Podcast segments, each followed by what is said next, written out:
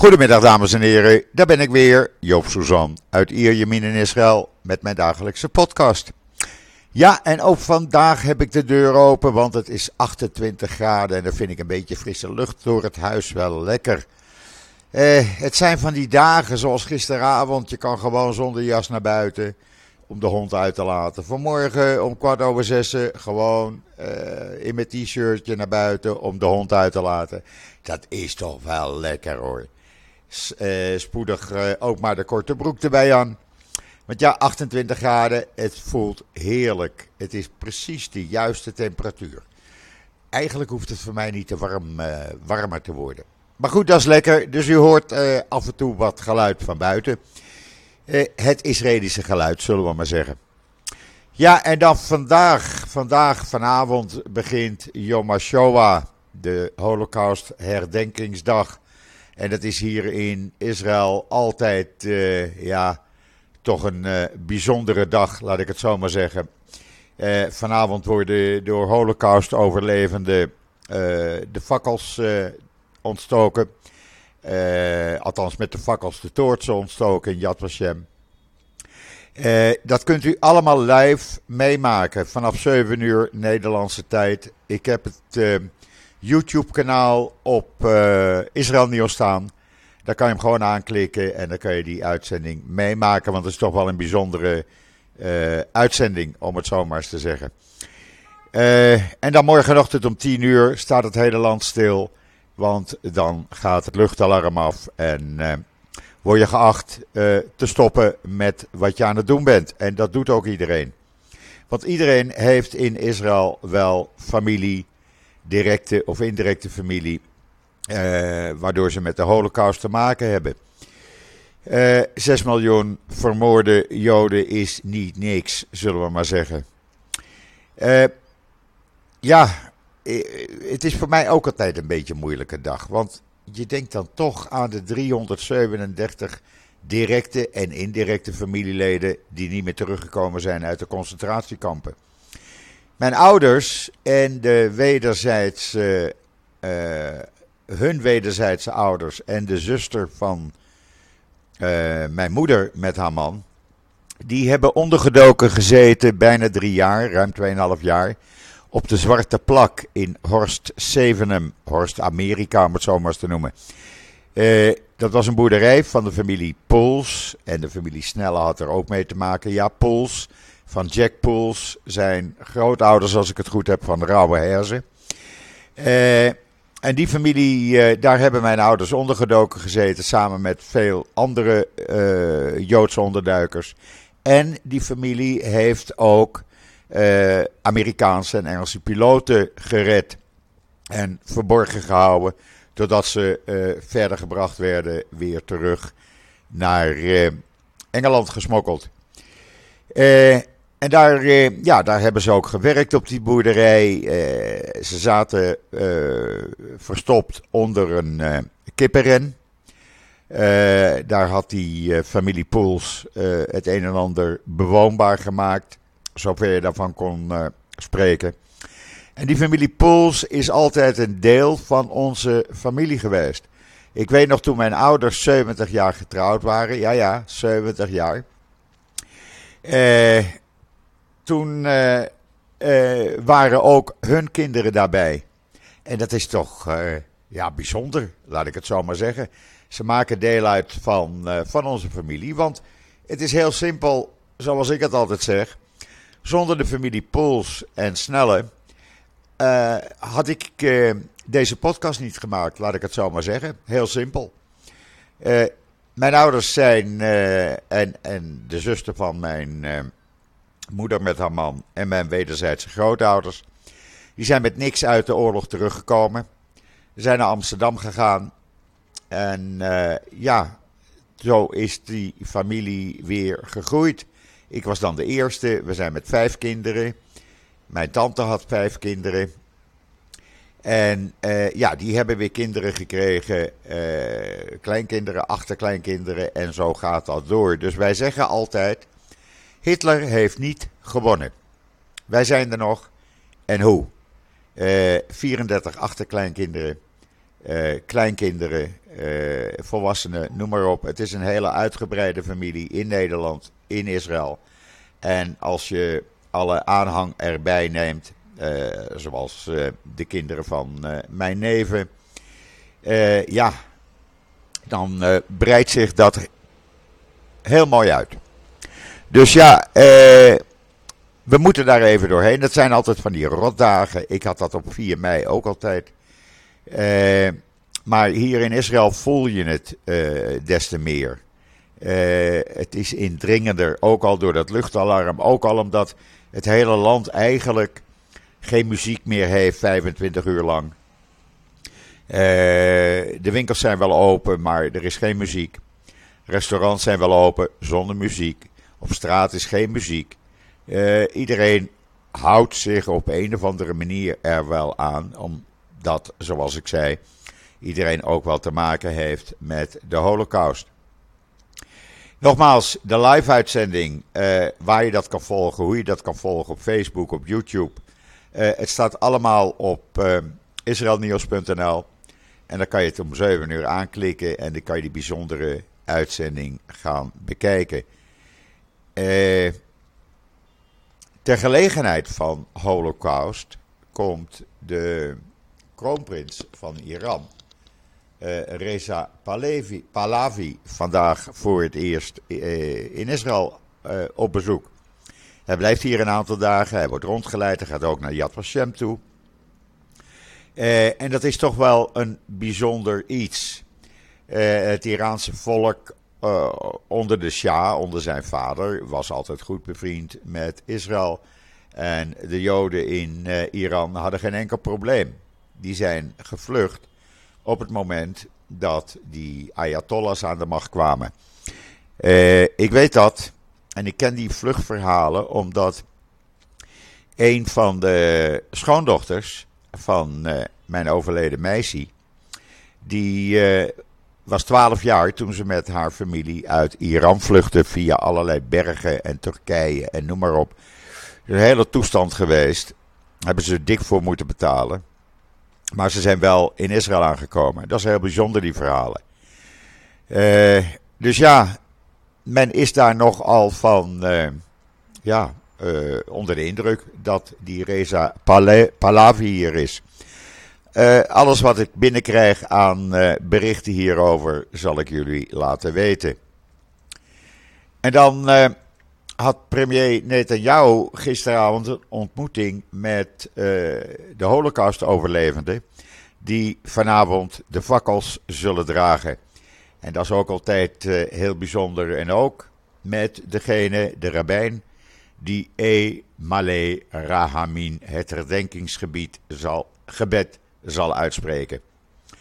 En de overlevende die namens alle Holocaust-overlevenden zal uh, spreken. Het was een heel bijzondere ontmoeting. Dat is elk jaar een bijzondere ontmoeting, want het gebeurt elk jaar. En uh, voor, uh, voor die mensen ook heel bijzonder. Er zijn ruim 147.000 Holocaust-overlevenden nog in Israël. En uh, er zijn er, als ik het goed heb, over de 400 ouder dan 100 jaar of 100 jaar en ouder. En ook uh, president Herzog, die had een aantal ho Holocaust-overlevenden gisteravond op bezoek. Uh, ook dat gebeurt elk jaar. En dat is, ja, blijft toch bijzonder dat dat gewoon gebeurt. Eh deze mensen vertelden hun verhalen. Het waren Noord-Afrikaanse overlevenden van de Holocaust. En uh, dat project van president Herzog of van de Israëlische president elk jaar heet Memory in the Living Room. Uh, dat is in 2011 bedacht. Dus ja, de hele dag en morgen staat Israël in de onder de indruk van uh, de Holocaust. En dat is maar goed ook, dat mag nooit, nooit vergeten worden. En dan is er een Israëlisch bedrijf, zomaar een Israëlisch bedrijf, wat een uh, infrastructuur naar Amerika brengt. Uh, ja, die het uh, autorijden veiliger gaat maken. Het is een Israëliër die in 19, of een Amerikaan die in 1993 naar Israël emigreerde. Begon met het ontwerpen van wegen in de omgeving van Jeruzalem en richtte in 2005 zijn eigen adviesbureau op. En daar werkt hij met 3D-ontwerpen, gespecialiseerd in het plannen van snelwegen en infrastructuur. Is er ook wel bijzonder en hij gaat dat dus nu naar Amerika brengen. Het hele verhaal in israelnieuws.nl. Waar je ook kan lezen dat een Israëlische start-up een uh, veilige en uh, pijnloze vroege opsporing van borstkanker heeft uitgevonden. Dat is een Israëlische start-up uh, met de naam Thermomind. En ja, die gaat dat gewoon nu in de markt zetten. Dus vrouwen hoeven geen pijn meer te lijden zoals ze nu doen als ze een borstkankeronderzoek krijgen in al die afschuwelijke apparaten. En dan, ja, was er gisteravond op Channel 12 een ver, uh, verkiezingspeiling. en wat blijkt? Dat uh, de partij van Benny Gans, die uh, heeft zomaar 28 zetels en is de grootste partij op dit moment als er verkiezingen zijn. De partij van Netanyahu, die komt met 24 zetels op de tweede plaats. Is er jaren niet gebeurd. En op de derde plaats eindigt de partij eh, van Yair Lapid. Die is gezakt van 24 in de vorige peiling naar 20 nu. Doet het toch niet zo goed. Maar die peiling bevestigt, ook een andere peiling van Channel 13 niet zo lang geleden. Waarin ook een stijgende steun voor de oppositie eh, te melden was. Uh, die extreemrechtse partijen, die gecombineerde lijst, die daalt van 14 naar 11. Dat gaat dus goed. En Shas zou tien uh, zetels krijgen en de ultra-orthodoxe Torah Jodendom partij blijft stabiel op zeven zetels. De linkse Meretz, die komt weer terug. Die uh, had bij de vorige verkiezingen de kiesrempel niet gehaald van vier zetels. Komt terug met vijf. Maar Labour, die die verdwijnt. Die haalt de kiesdrempel niet. Net zoals de Palestijnse nationalistische partij Balad. Uh, door deze resultaten is het rechtse blok wat nu het land regeert, daalt zomaar van 64 naar 52 Knessetzetels. Gewoon de absolute meerderheid dus gewoon kwijt. Terwijl de oppositie, laten we het zomaar even noemen voor het gemak, onder leiding van Benny Gans, op 63 zetels komt. Uh, hoe zit dat dan met uh, wie zou premier moeten worden? Nou, ook daar leidt uh, Benny Gans 39% En Netanyahu naar 34% Dat is ook iets wat hij niet gewend is. En 22% zei, geen van beide is geschikt, en 5% wist het niet. En wat zou er gebeuren, was Channel 12 nieuwsgierig naar als Bennett terugkomt met een nieuwe partij. Zoals hij beloofd heeft. Dat zou dan een centrumpartij worden. Nou, dan zou Bennett zomaar acht zetels krijgen. En de Likud en de partij van Benny Gantz ieder 24. En Lapid met zijn Yezatit zou zakken naar 18. Maar uh, ja, uh, Netanyahu en zijn club blijven de uh, Knesset-meerderheid kwijt. Channel 12 was ook nieuwsgierig wie de schuld heeft aan de verlaging van de economische vooruitzichten van positief naar stabiel door Moody's. 47% zegt het is de schuld van de regering. En 47% zegt dat zijn de demonstranten. Ja, je kan natuurlijk uh, uh, geloven die dat, uh, die dat zegt. Eh Nou, we toch met politiek bezig zijn, laten we even met politiek, politiek verder gaan. Want iets heel opzienbarends gisteravond zag ik in het nieuws. En dat, ja, dat heb ik niet zo vaak hier gelezen. Er is een conservatieve denktank in Jeruzalem, het Jeruzalem Instituut voor strategie en security. Die zegt dat. Uh, ja, die geeft eigenlijk een, een waarschuwing, een, een opzienbarende waarschuwing over die gerechtelijke juridische hervormingen van de regering. Want zeggen ze, als uh, Netanyahu dat doorzet, dan zal dat enorme schade toebrengen aan de staat Israël in zijn geheel. En Israël zal zich moeten voorbereiden op een oorlog. Politici, zeggen zij, moeten tot bezinning komen en hiermee stoppen. Je staat allemaal in de Times of Israel. Ik kan dat ook niet helpen, ik verzin het niet. Maar het is heel opzienbarend, want het JISS heeft nog nooit een dergelijke waarschuwing uitgegeven. Uh, ze zeggen dat uh, het publieke discours in Israël bereikt nieuwe hoogte van scherpzinnigheid en vervreemding. En de nationale cohesie is gekraakt, voornamelijk uh, ja, door wat er nu gebeurt, door dat doorzetten van iets wat een heleboel mensen niet weten. Even een slokje water. Lees het in de Times of Israel, uh, want ik ga het natuurlijk niet helemaal uh, uitleggen. Ja, en dan vraag je je af, wat hebben die onderhandelingen voor nut op uh, het kantoor van president Herzog? Tussen coalitie en oppositie om tot overeenstemming over die hervormingen te krijgen. Als de regering heeft aangekondigd dat ze van plan zijn om het meest harde gedeelte in dat omstreden wetsvoorstel naar voren te brengen zodra de vakantie voorbij is en men weer allemaal volgende week of die week daarna in de Knesset zit. Uh, men wil namelijk het uh, moeilijkste punt naar voren schuiven, daar uh, stemming over laten plaatsvinden. En dat is het punt die de macht van de juridische adviseurs van het ministerie van Justitie ernstig zou beperken. Eigenlijk krijgen ze helemaal geen macht meer. En dat zou moeten gebeuren zodra het, zodra het zomerreces voorbij is. Ja, wat heb je dan voor nut om te onderhandelen? Uh, dan kan je daar ook wel uh, beter mee stoppen.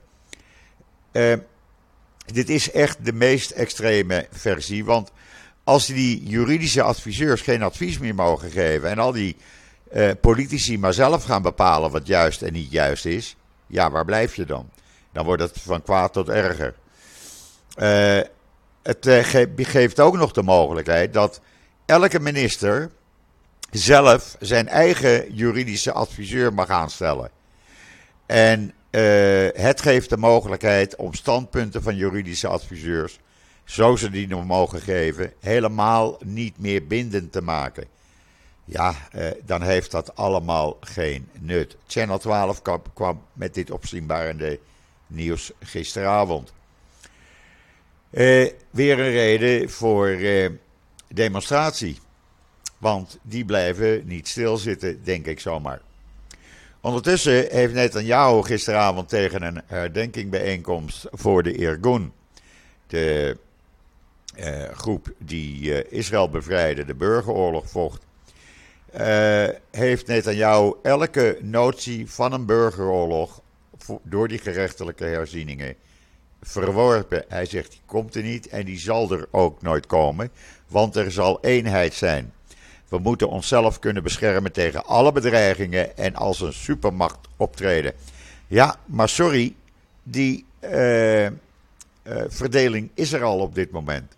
Want als hier honderdduizenden mensen, een half miljoen of meer staan te demonstreren, kan je niet spreken dat het hele land één is. En er zijn er nog vele honderdduizenden die thuis zitten en uh, niet demonstreren.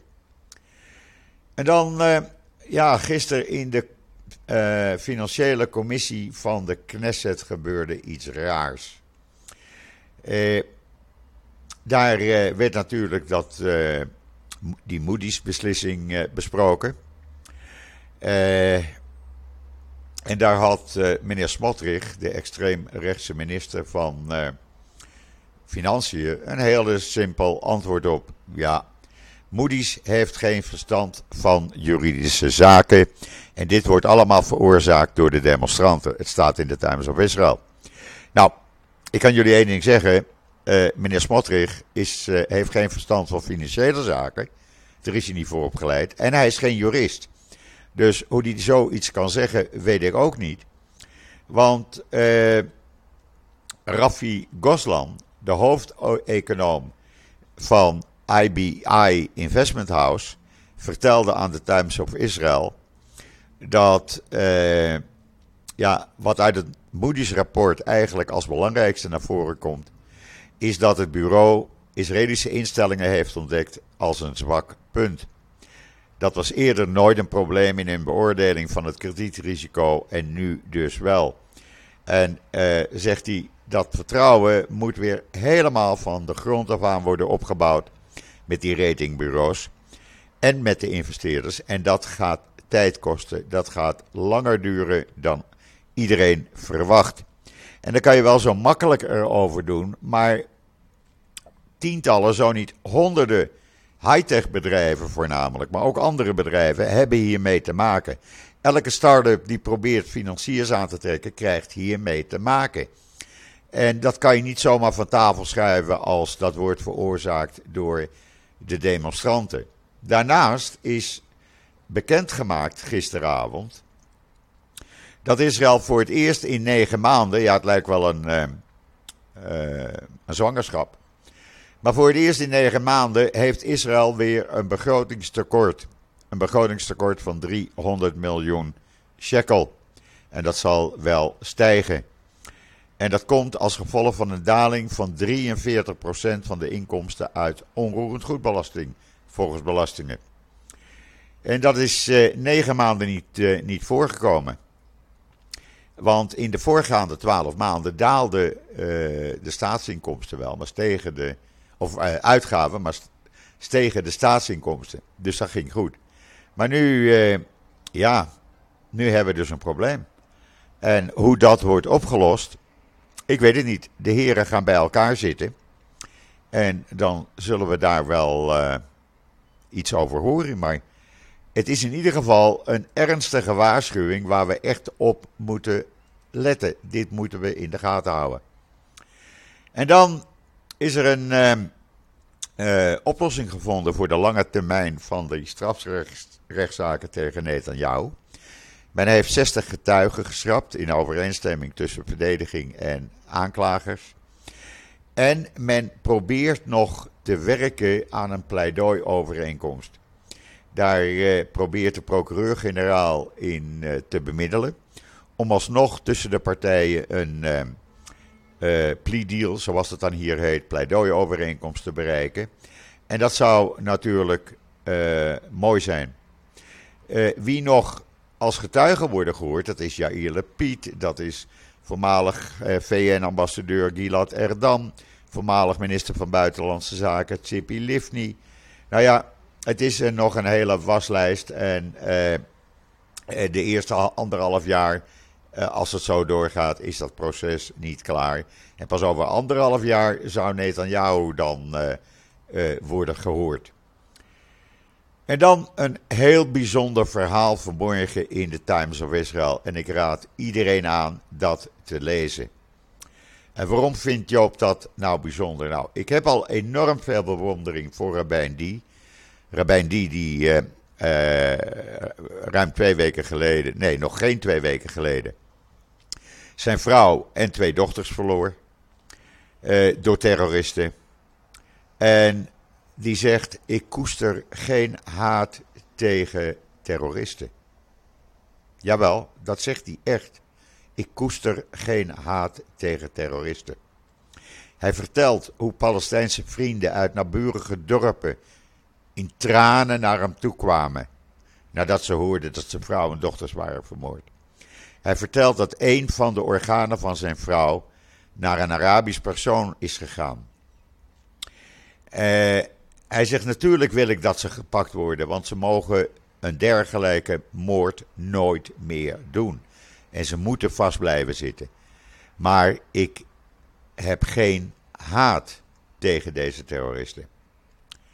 Uh, ze verdienen volledige gerechtigheid. Hij zegt: niets zal onze geliefde Lucie, Maya Arena terugbrengen. Uh, Mijn focus ligt op de toekomst. Voor ons en voor het hele volk van Israël, zei hij.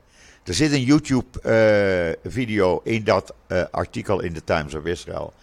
hij zegt: Ik heb een aantal Palestijnse vrienden van mij uit naburige dorpen gehad. Die kwamen in tranen, omdat ik ze al vele jaren ken. Ze hebben Lucy gekend, ze hebben mijn dochters gekend. En hij, hij legt uit hoe hij vriendschappen ontwikkelde met bouwers, met tuinlieden die hij in dienst nam om bij zijn huis te werken. Hij zegt: We hebben tijd samengebracht. Uh, ik heb geen geweer, ik heb geen wapen. Ik werkte thuis, we kletsten wat, bedronken koffie, dronken thee, praten over kinderen, hun kinderen, onze kinderen. We vertrouwden elkaar. En dat doe ik nog steeds. En dit is echt een bijzonder verhaal. Lees dat verhaal. Uh, het opent de ogen, laat ik het zo maar zeggen.